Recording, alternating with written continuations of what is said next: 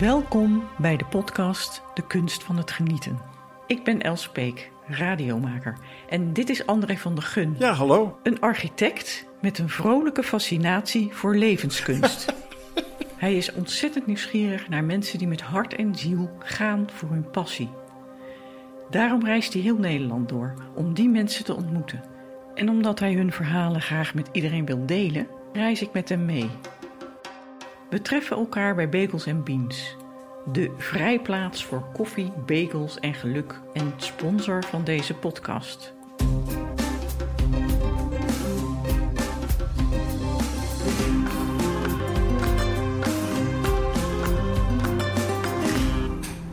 Zullen we groente- en champignonballetjes bestellen? Ja, lijkt me een leuk plan. Ik doe mee. Waar gaan we heen zo? We gaan naar uh, Sarah van Sonsbeek. Jonge dame, jonge kunstenares. Die zich bezighoudt met het thema stilte. Stilte fascineert mij. Uh, als ik in stilte naar iets kijk, dan, dan neem ik de ruimte en de tijd om het in me op te nemen. Dat kan ik alleen maar in stilte doen. Dan zie ik de juiste vormen en juiste bewegingen. Is het een vorm van inspiratie voor jou, de stilte? Heel erg. Heel erg.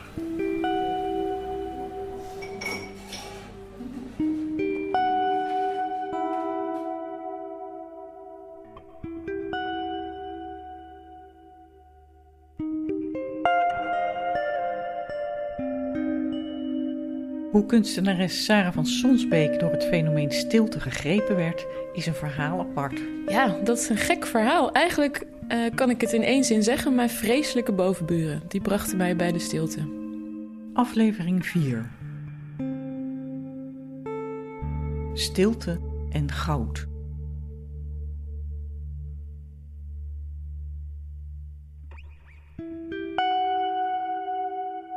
Zonder mijn bovenburen, dat wil ik wel zeggen, zou ik niet eens kunstenaar zijn. Want uh, ik deed de Rietveld Academie, ik zat in het eindjaar. En ik had daarvoor uh, bouwkunde gedaan in Delft. En mijn docenten zeiden, ja Sarah, leuk en aardig je werk, maar doe nou iets met die architectuur. Was echt het laatste wat ik wilde, maar tegelijk had ik dus heel erg luidruchtige bovenburen. Dus eigenlijk meer in een vlaag van verstandsverbijstering of wanhoop.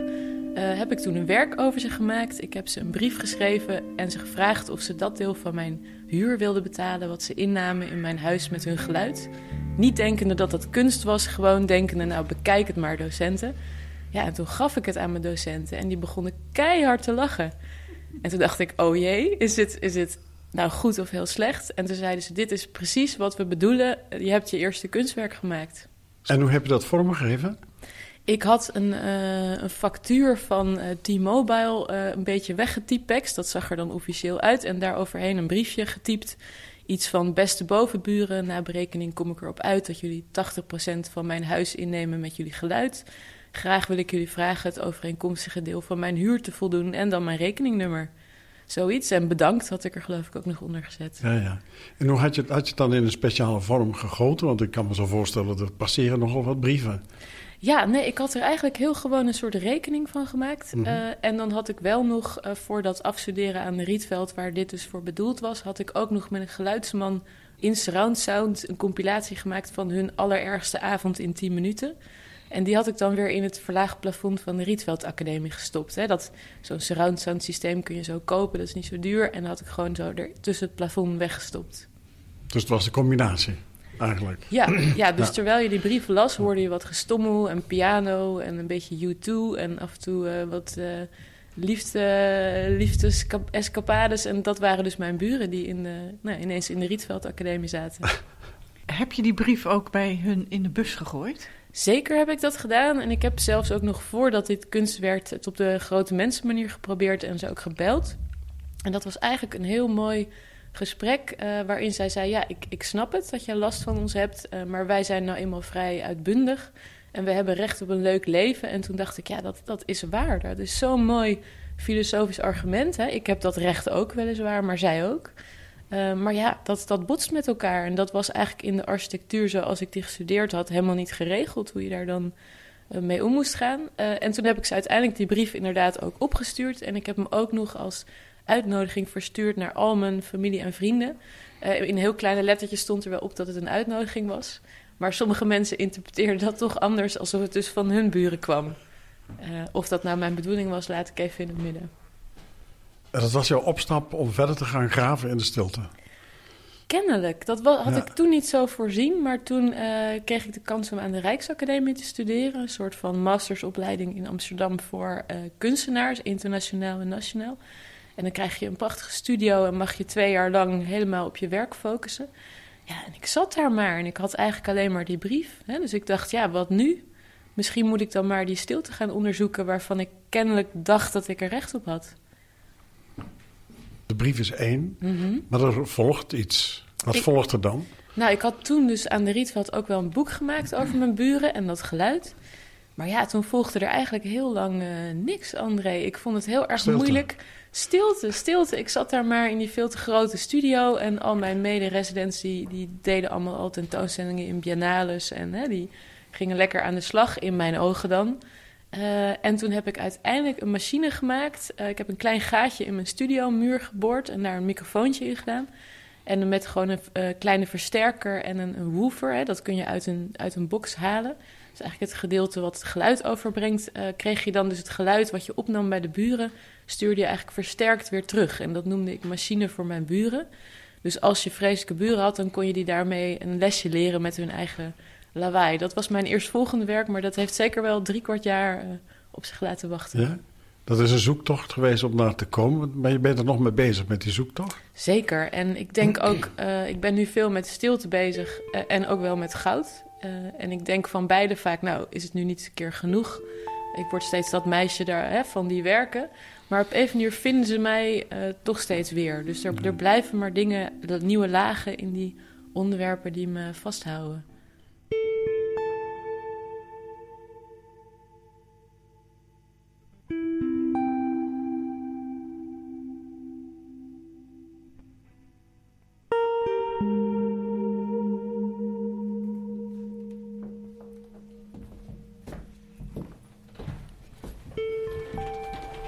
Zijn in het spiritueel centrum De Roos in Amsterdam. De directeur begeleidt ons naar de stilteruimte. Moeten we onze schoenen uit? Ja. Ze legt Sarah uit wat er in deze ruimte gebeurt. We zijn in de stilteruimte. En die is openbaar toegankelijk voor mensen die hier willen komen. De deur blijft altijd op een kier. Om te zorgen dat er ook altijd weer mensen bij kunnen. Eh, je kunt zitten, je kunt liggen, eh, meditatiekussentjes gebruiken. En dit is eigenlijk een soort oase in de stad. Waar je nu bent. En één keer in de week hebben we hier een groep waarin we dan die begeleiding naar de stilte doen. Om mensen een beetje te helpen. Want het valt niet mee in de stad om, eh, om je rust en je stilteplek te vinden. Eh, Als ik mag vragen, ik vraag het aan heel veel mensen, maar ik ben er bij jou wel extra benieuwd naar. Wat is voor jou nou stilte? Ja, dat is heel, het is heel lastig hè, om dat te benoemen. Als ik voor mezelf spreek, ehm, is het een plek waar geen ruis is. Eh, en eh, een soort van afdaling de diepte in. En ik ontmoet dan eigenlijk mijn een diepere weten. Dat is waar ik eh, de stilte vind ook. Ja. Oké, dankjewel. Wat hoor jij hier? Ehm, ik hoor een fietser die eh, naar het Vondelpark fietst. Ehm, ik hoorde het parket waarop we nu staan, dat best wel kraakt. Ik hoor heel veel galm. Ik dacht bij stiltekamer was ik heel benieuwd hoe de galm zou zijn. Ik denk als we... Nou, als we met onze vingers knippen, dan hoor je dat het dus heel erg galmt. Wat ik wel poëtisch vind, want hoe stiller het wordt, hoe moeilijk het is om helemaal stil te zijn. Dus in een heel stille ruimte hoor je bijvoorbeeld je maag knorren. Eh, dus ik denk wel eens hoe harder we op zoek gaan naar de stilte, hoe verder weg die eigenlijk komt. Ja, want hij bestaat niet zonder geluid. Nou ja, eh, ik probeer zelf nooit een waardeoordeel te vellen over stilte. Dus er zijn natuurlijk heel veel opvattingen over wat stilte eigenlijk is. Maar inderdaad, eh, ja, alle natuurkundigen zullen je zeggen... stilte is de afwezigheid van geluid. Dus de een is er niet zonder de ander.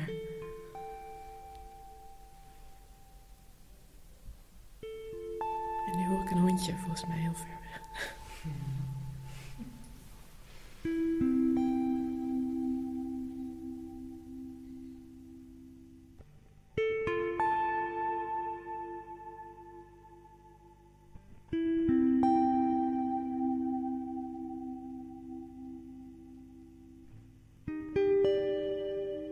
eigenlijk ben ik in eerste instantie dus hier heel veel werk gaan maken. En toen zeiden mensen, ja Sarah, al dat werk wat je maakt, leuk en aardig. Maar dat project met je buren was eigenlijk echt je beste werk.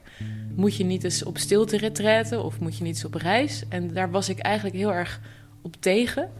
Uh, omdat stilte retreten, dat moet je zeker doen als je dat zelf wil. Hè? Maar voor mij binnen mijn werk, zoals ik net al zei, ik wil heel open-minded eigenlijk de stilte onderzoeken. Dus ik wil niet graag iets doen wat door een ander bedacht of ontworpen is. Maar toen las ik, uh, een, uh, las ik, meen ik, een boek van Boudewijn Bug... waarin hij vertelt over Tristan da Cunha... het meest afgelegen bewoonde eiland ter wereld. Dus toen dacht ik, ja, daar moet ik heen. Dat heb je gedaan? Dat heb ik gedaan. Dat heeft me drie jaar gekost om daar uh, toestemming te krijgen en een plekje op de boot. Want je moet je voorstellen, je kan er dus niet heen vliegen... maar alleen maar een week met de boot vanaf Kaapstad. En er wonen ook maar 265 mensen... En ze zitten niet zo te wachten op toeristen. Het is er ook geen lekker weer. er zijn geen palmbomen of zo. Het is, eh, het is een beetje als hier. Het regent iets meer. Het is een actieve vulkaan. Dus ze zijn best wel beducht op mensen van buiten. Dus je moet heel duidelijk maken wat je daar dan wil doen. Uh, nou ja, en dan als je echt maar lang genoeg wacht, dan, uh, dan kan je geluk hebben dat je echt mee mag op de boot. En dan vond je stilte? Nee, nee in eerste instantie alles behalve stilte. Dus je hebt de meeuwen die ontzettend krijsen. Je hebt daar de zee, hè. het ligt in de Roaring Forties, wat een uh, gebied op de 40ste breedtegraden is uh, van de zee, waar juist heel erg veel stromingen elkaar raken. Dus nee, stilte was daar ontzettend ver te zoeken. Maar er was misschien wel een ander soort stilte dan akoestische stilte. Het was echt heel afgelegen. En dat besefte ik eigenlijk toen ik... Hè, ik werd aan land gezet en dan lag de boot waarmee ik gekomen was, lag daar nog... Maar de volgende ochtend deed ik het raam open en was de boot weg. En dan realiseer je, ik zit nu echt een week varen van alles. En bijvoorbeeld ook als ik hier nu overlijd, word ik dus hier begraven. Want ze kunnen mij niet ja, invriezen hier, dat, dat hebben ze de middelen niet toe. Uh, en ze kunnen mij niet even met een helikopter naar huis brengen, dus dan blijf ik hier. En dat vond ik best wel uh, ja, heftig.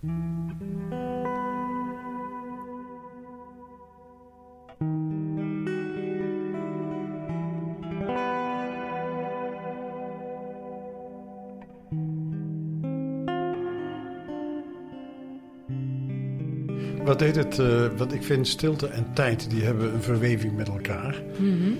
uh, wat deed dat met jou, die stilte en die tijd, die combinatie van die twee? Even denken, ik probeer even te begrijpen. Ja, als ik aan tijd denk, nou ja, wat opvallend was sowieso zo'n week op een boot.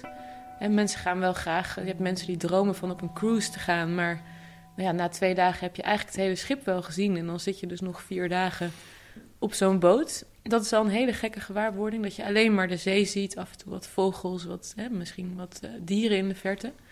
En dan ben je op dat eiland en daar was de tijd echt anders. Dat vond ik heel mooi, want er is daar bijvoorbeeld geen mobiele telefoonnetwerk. Dus ja, je hebt dat mobieltje wel, maar je hebt er niks aan. Mm -hmm. uh, dus je tijd wordt heel anders. Uh, en zij staan ook heel vroeg op. Het is een agrarische samenleving, hè? dus je ging daar langzaam mee in hun ritme. Uh, maar ik was eigenlijk de enige toerist, dus ik, ik voelde me ontzettend schuldig. Ik dacht, ik heb al deze tijd en wat doe ik eigenlijk met deze tijd? Dat is een heel belangrijk onderwerp, denk ik, de tijd als je op zo'n eiland zit. Hè? Wat doe je met je tijd? Wat deed je? Ja. Nou ja, uh, ze, hadden, ze wisten dus wel dat ik kunstenaar was, dus daarom was ik ook in huis gezet, heel erg lief. Ik krijg dan een gastgezin bij het hoofd van de school, die, hè, mevrouw die ook wel in kunst geïnteresseerd is, Anne, uh, Anne Green en Joe Green, haar man. Uh, dus ja, elke dag werd er dan gevraagd: uh, Hey, how's your art going? Of nog erger, how's your painting going? En wat ze dus niet wisten, is dat ik eigenlijk geen schilderijen maak. Maar ja, ik durfde dat niet te zeggen, dus ik zei steeds maar: No, no, it's going great. Nam je daar de stilte op? Nee, ik, ik was er eigenlijk naartoe gegaan. Uh, dus om, om het echt ja, als, een, als een reis te kunnen ondergaan, dacht ik: ik ga alleen. Zonder vriendje, zonder assistent. En zelfs zonder plan. En dat is iets wat ik eigenlijk bijna nooit doe. Uh, want ik dacht, ik wil eigenlijk vooral onderzoeken wat kunst op zo'n afgelegen plek, hè, geografische stilte, noemde ik het wel in mijn fantasie. Mm -hmm. Wat kan kunst en de kunstenaar daar nou betekenen? En als je al een plan hebt, ja, dan heb je eigenlijk al een set van ideeën. Hè? Dus ik dacht, mm -hmm. dat moet ik niet doen. Dus ja, ik heb heel veel rondgelopen. Ik heb geholpen om de eieren te zoeken. Ik heb uh, geholpen om de koeien die uit de wei zoek raakte weer te vangen. Ik heb naar de zee gestaard. en ik werd eigenlijk steeds uh, iets somberder uh, ja? in het begin. Ja. En dat kwam eigenlijk omdat ik me eh, heel erg nutteloos voelde. Eh, en dat ik dus merkte dat, dat je, je sommige, hè, sommige mensen je, hun geluk en ook ik en hun eigen waarde eigenlijk heel erg ontlenen aan wat ze doen. En dat hier in onze samenleving in Amsterdam, waar we nu zitten, aan het prachtige Vondelpark, als je daar zegt ik ben kunstenaar, zeggen mensen nou wat leuk en hè, of wat, wat spannend, wat doe je dan? Maar ja, daar, ja, wat hadden zij aan mij? Dus die, die link, dat was heel, ja, heel verfrissend voor mij om dat te zien. En eigenlijk werd ik gelukkig door de hond op Tristan da Cunha. En ontstond daar ook het eerste werk door. En toen besefte ik pas wat kunst voor mij betekende. Dus dat heeft dat eiland mij eigenlijk laten zien. Je eerste werk, wat was het eerste werk dan met de hond? Nou, en bij wie ik dus logeerde, die zag natuurlijk wel mij zo steeds iets uh, verlorener daar rondlopen. En het erge is ook nog, André, ze weten onmiddellijk waar je geweest bent. Hè? Dus het is zo'n klein eiland dat ze dan zeggen: No, Joe said that Anne said that Phil saw you walking towards the potato patches. Hè? Dus iedereen wist waar je was. Dus ontsnappen was er ook niet bij. Uh, en sowieso veel meer dan een paar honderd meter weg kon je ook niet. Dus toen zei Anne, uh, Sarah, why don't you throw a stick at Glyn? Waarom gooi je geen stok voor Glyn? Want Glyn was hun hond van mijn gastgezin. Een hele oude reumatische border collie. Die eigenlijk alleen maar in beweging te krijgen was met een stok. Dus nou, ik deed dat en dat was natuurlijk hartstikke leuk, hè? Ja, contact met zo'n mooi dier. Maar toen merkte ik dat elke keer als hij de stok teruggaf, dan brak je hem in twee perfecte stukken. Als, hè, echt als een soort meetkundig genie. Uh, en ik ging die stokken verzamelen en toen heb ik uiteindelijk een set van die perfect afgebroken stokken meegenomen en in brons gegoten en Glins Mathematics genoemd. En ik dacht toen, ja, eigenlijk is misschien kunst voor mij wel mijn manier om met de wereld om te gaan. En dat was ik echt even vergeten. Dus kunst is niet dat je dingen maakt. En ook niet de dingen die ik maak zijn wel kunstwerken. Maar waarom ik het doe is toch iets anders. En dat is echt hè, om een manier om met de wereld om te gaan.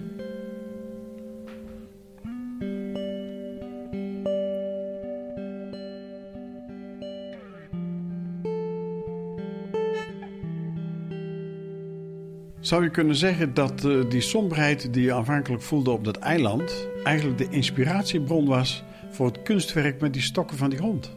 Nee, maar ik geloof wel dat uh, echt mooie werken heel vaak geboren worden uit, uh, ja, uit een probleem. Dat kan melancholie zijn, maar dat zou ook boosheid kunnen zijn. Bijvoorbeeld maakte ik ooit een tas voor mijn inmiddels ex-vriendje. En als je je telefoon daarin deed, ging hij niet af. En die tas was eigenlijk zowel een liefdesbrief, hè, want het is echt voor hem gemaakt, als een aanklacht, omdat ik gewoon gek werd van dat voortdurende sms en gebel van hem. En dat was eigenlijk net als mijn buren overlast, iets waar ik dus op een andere manier gewoon geen oplossing voor wist. En ook mijn beste werk ontstaat vaak als ik echt langere tijd alleen ben. En dat vind ik helemaal niet leuk. Mensen denken dat ik heel genietend uh, maandenlang uh, in de stilte vertoef. Dat is echt niet zo. Uh, maar het is misschien wel zo dat dan de echte dingen boven komen drijven die ja, tot goede werken kunnen leiden. Dus je hebt in ieder geval de stilte nodig om tot iets te komen. Ja, ja ik denk een aantal van mijn beste werken zijn ontstaan toen ik in een residentie zat in München-Gladbach. Waar eigenlijk geen internet was, nauwelijks een treinverbinding en in het weekend ook eh, alle buren weg waren. En het enige wat ik had was dat het pleintje waar ik keek uit op een parkeerterrein, mijn, mijn studio daar. En mijn enige ankerpunt in de dag uh, was eigenlijk als de zon precies de ramen van de overburen raakte. En toen ging ik fantaseren dat, dat, hè, dat de zon mij in morsen eigenlijk iets, iets toeseinde. Hè. Morse is zo'n soort taal die uit, nou ja, uit punten en strepen bestaat. Uh, en dat de, dus de zon mij zei, keep up the good work. Hè? Nu horen we hierboven trouwens ook de buren. Dat gebeurt echt in elk interview. Dus ik geef eigenlijk nooit een interview waarbij niet iemand begint te boren of uh, een sirene aangaat of anderszins iedereen's telefoon. Dus jongens, dit is nog niks. Dat is een onderdeel van jouw kunst. Die komt die achtervolgt je. Ja, misschien ook wel uh, als je op zoek gaat naar stilte, ben je vaak zelf het probleem. Hè? Ja. Ik ben eens in een stilteruimte geweest. Uh, die was zodanig ingekleed dat je je, je eigen bloed hoort gaan. Je bedoelt een uh, kamer misschien, hè? Ja. Ja, daar ben ik ook drie keer in geweest in totaal, meen ik. En ik ging die ruimte in toen uh, van de natuurkundefaculteit in Delft. En toen dacht ik na een poosje, nou ja, die ruimte is helemaal niet zo goed geïsoleerd. Want ik hoorde een soort, een soort weg. En toen dacht ik, ja, maar wacht, dat kan niet. Want deze ruimte, zo'n ruimte staat dus op pootjes hè, en is helemaal voorzien van een soort ruimteschipachtige schuime punten, waardoor eigenlijk nooit een echo terugkomt. En je loopt ook op een soort ja, net, als bijna als bij een trapeze. En dat was dus mijn bloed. Nou, en toen wist ik niet hoe snel ik weer naar buiten moest. Het is gewoon eng, hè? Heel eng. Ja. Maar de laatste keer had ik een heel ander soort ervaring. Echt prachtig. Toen vroeg ik, willen jullie heel even het licht uitdoen? Ik dacht, ja, je probeert dus wat nieuws, hè? En ineens was het echt alsof er geen ruimte meer was. En alsof ik op een soort, omdat ik dus die ruimte niet kon zien en geen enkele echo hoorde, was het echt alsof ik op een bergtop zat, ergens in de Amazone of zo. Uh, en dus de oneindige ruimte zich uitstrekte. Dus ik had daar wel uren willen zitten, maar dat mocht helaas niet. Nee, nee.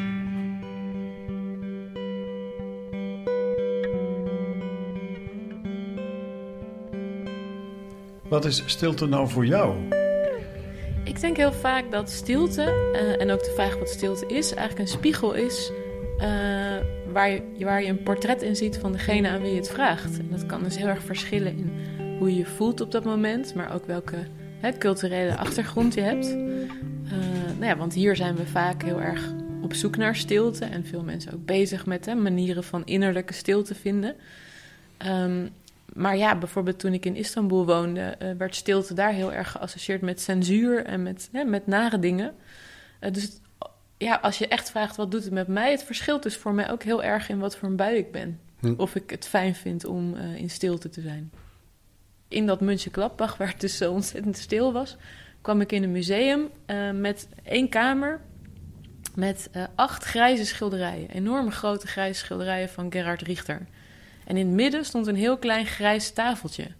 Nou, en die ruimte sloeg op mij in als een bom. Het was een soort tempel. Ik heb eigenlijk ben niet gelovig, maar als ik al gelovig zou kunnen worden, dan was het daar.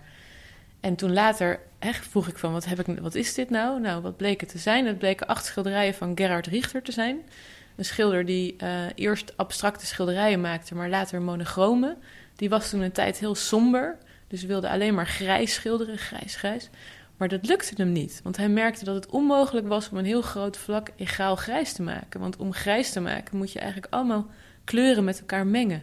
En zo werd hij dus weer, zo trok dat werk hem enigszins weer uit die depressie, omdat hij zei: er zit toch een beetje blauw in, mm-hmm. toch een beetje rood. Nou, dat vond ik al prachtig. En toen zei ik: wat is dat tafeltje dan? En toen zeiden ze: ja, dat is een Martin Kiepenberger. En dat is een kunstenaar die heeft in zijn jonge jaren eh, de kleinste Gerhard Richter gekocht die hij, de grootste die hij kon betalen, maar dat was een hele kleine. En daar heeft hij een tafeltje van gemaakt, een bijzettafeltje. Dus hij wilde juist iets zo waardevols en onaantastbaars, hè, wilde hij terugbrengen naar iets waar hij wat mee kon. Nou ja, en dit bij elkaar was voor mij uh, ja, ultieme stilte, als je het me dan toch vraagt.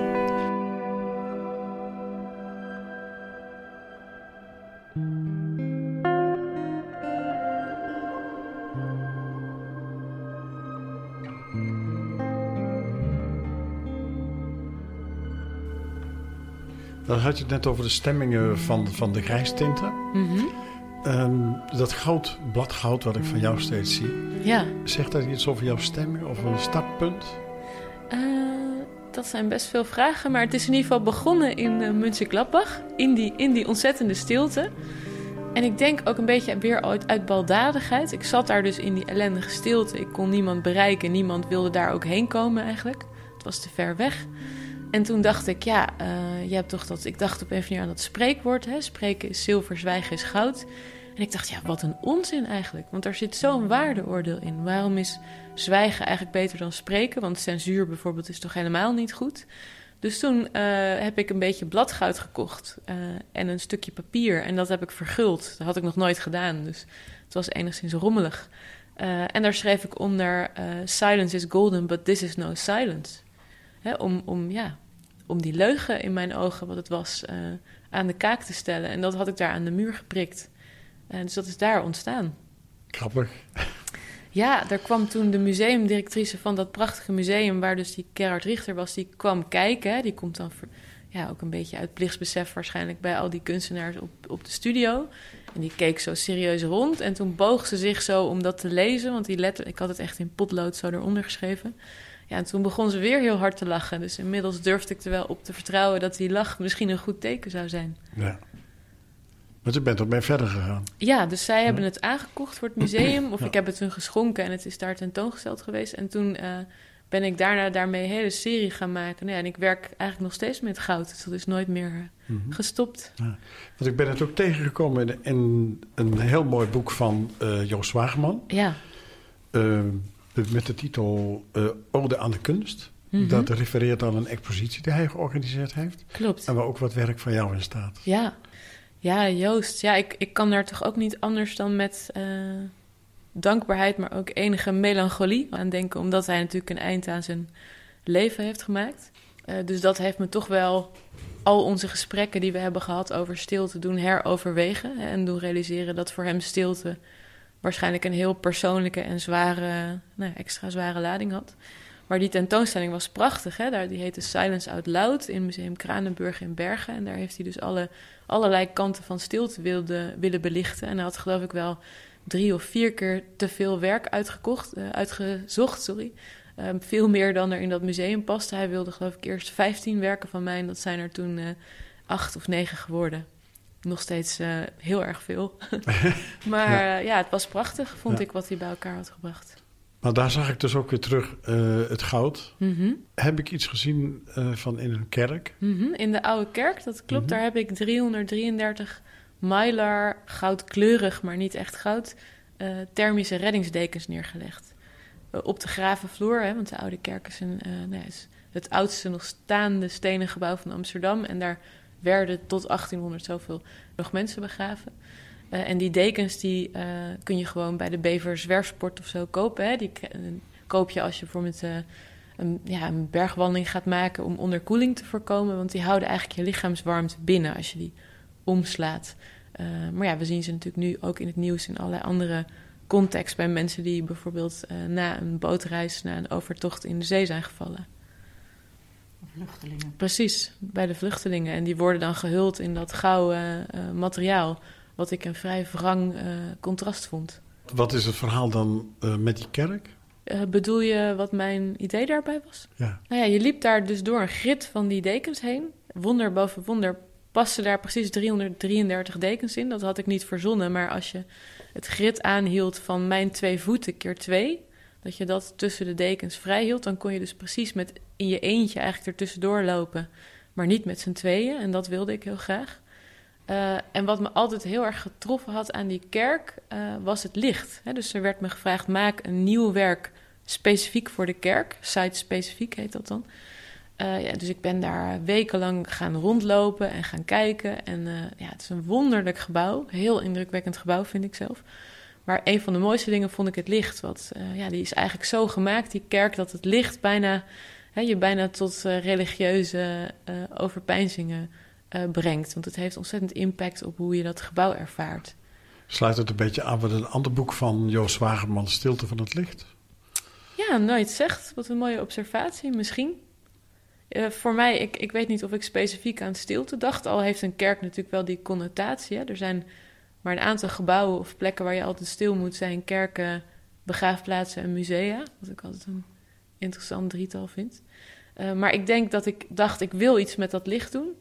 Enerzijds. En ik wil iets met deze plek doen. Ehm, ja, en wat me heel erg trof, is de vraag van wat is deze plek nu eigenlijk? Want het was eerst een katholieke kerk en toen in de beeldenstorm is het protestants geworden. En dus heel veel van de schilderingen zijn ook weggehaald en later weer deels teruggebracht. Het wordt zelfs nu nog als kerk ge- gebruikt, maar is ook een tentoonstellingsruimte. Eh, maar ik dacht, het heeft in ieder geval een heel specifieke relatie met het redden. Eh, hè, dus de, ja, de, de religie heeft daar natuurlijk een, relatie toe. Ehm, en eh, ja, eigenlijk zou je kunnen zeggen, de, het debat over de vluchtelingen heeft daar ook een relatie toe. En eigenlijk ook dat materiaal van het mylar heeft daar een relatie toe. Dus je, je redt, ja, je, je doet dat om je heen als je wordt gered. Maar wat betekent dat redden eigenlijk? Als ik zeg ik red jou, dan eh, abstraheer ik jou misschien ook wel tot iemand die gered moet worden. Ja. Eh, nou, dat vond ik heel. eh, dat spookte door mijn hoofd, maar ik wil niet zeggen dat het werk dat is. Ik denk het werk is echt zichzelf. Uh, en het was ook voor iedereen wat anders. Dus ik kreeg ook heel diverse reacties op het werk. Van mensen die het fantastisch vonden tot mensen die het echt wanstaltig vonden. Wanstaltig? Wat, Ik bedoel, ik vind het ook fantastisch. Dus ik, Ja, Maar ik vraag me af waarom mensen het wanstaltig vinden. Want het is gewoon Mhm. alleen door het materiaal en de kleur en het lichtspel al prachtig om te zien. Ja. En te beleven in die ruimte. nou ja, het heeft natuurlijk eh, eh, dat iets heel erg moois, iets esthetisch moois, ook zo'n schrijnende connotatie kan hebben. Dat is natuurlijk wel, eh, ja, dat kan ingewikkeld zijn. Dat kon ik me wel voorstellen. En er waren ook mensen die, eh, ja, die zeg maar heel erg bang waren van de immigratie. Eh, hè, dus een mevrouw zei, ja, ze zijn nu al hier. En die keek naar die dekens alsof de vluchtelingen daar hun bedjes hadden opgemaakt in haar kerk. Hè, dus die, die, zag, die zag echt dat. Oké. Maar ook hier weer denk ik dat werk heeft mij echt iets gegeven. Dat werk was zelf een spiegel, eigenlijk. Hè? Dus van iedereen die er naar keek, zag daar iets heel, eh, heel erg anders in. Er waren ook mensen die allemaal selfies maakten met de gouden gloed op de achtergrond. Nou, het was totaal verschillend.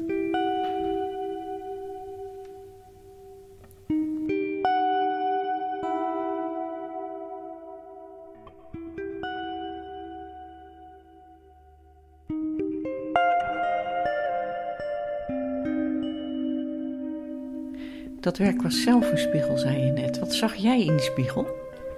Ja, dat is ook een mooie vraag. Ik denk, ik had die Mylar dekens eerder in mijn werk gebruikt in 2013. Eh, nu hadden ze die nieuwe connotatie van de vluchtelingen gekregen. En ik dacht, mag ik dat wel doen? Mag ik die wel gebruiken? En ik denk eigenlijk door de kerk dat ik me realiseerde, die plek, ook al ben ik niet gelovig, maar die plek is onderdeel van de cultuur waar ik onderdeel van ben. Dus ik kan wel iets zeggen over dit probleem. Dat is, eh, nou ja, ik heb toen ook veel gelezen over inclusiviteit. Eh, die zegt dus je kan wel degelijk iets zeggen als je maar bewust bent van jouw positie daarin. En ik dacht, die kerk kan eigenlijk staan voor mijn positie als westerse kunstenaar, hè, de traditie waar ik in ben opgevoed.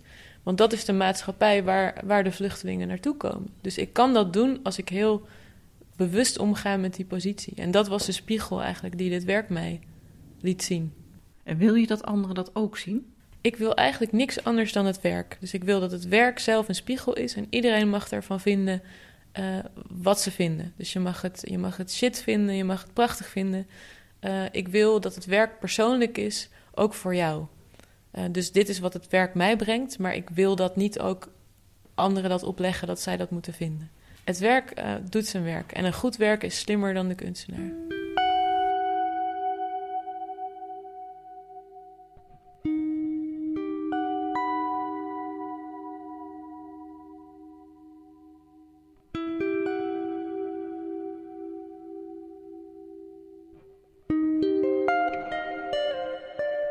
Wat doet het met jou, deze ontwikkeling eigenlijk? Ik bedoel, je bent begonnen met eh, de bovenburen. Mhm.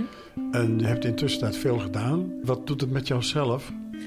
Nou, de oude kerk heeft me echt wel iets nieuws gebracht. Ik denk dat ik daardoor ehm, me heel erg bewust werd enerzijds van de context. Mhm. Dus wat de plek waar je iets toont, hoe die eigenlijk mede bepaalt wat je ziet.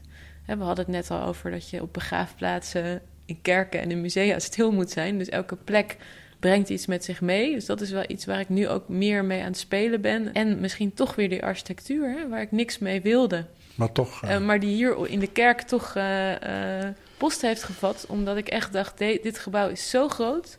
Als ik hier objecten plaats, dan, dan verlies ik het. Dus ik moet een soort aanwezigheid maken. Ik moet die kerk eigenlijk zien als een landschap. En op dat niveau nadenken over een soort aanwezigheid die iedereen kan ervaren. En dat was wel echt een nieuwe stap. Want dat, ja, meestal zit ik maar in mijn studio. Ja, en die is niet eh, 3000 vierkante meter, helaas. Dus dan maak ik dingen op maat van de studio. Dus in de kerk, in die zin, eh, heeft dat zich echt eh, ontvouwd in iets heel nieuws. ligt er nog een bruggetje, denk je, naar de architectuur toch? Want stilte, kunst en architectuur liggen toch een beetje in elkaars verlengd. Er zijn eh, nogal wat architecten geweest die zich met verstilling van gebouwen en stilte van gebouwen en vormentaal in landschappelijke vormen geuit hebben, weten te uiten. Ik denk vaak dat iedereen die in een huis woont en wel eens een vreselijke buurman heeft gehad, meer weet over stilte en geluid dan de gemiddelde architect.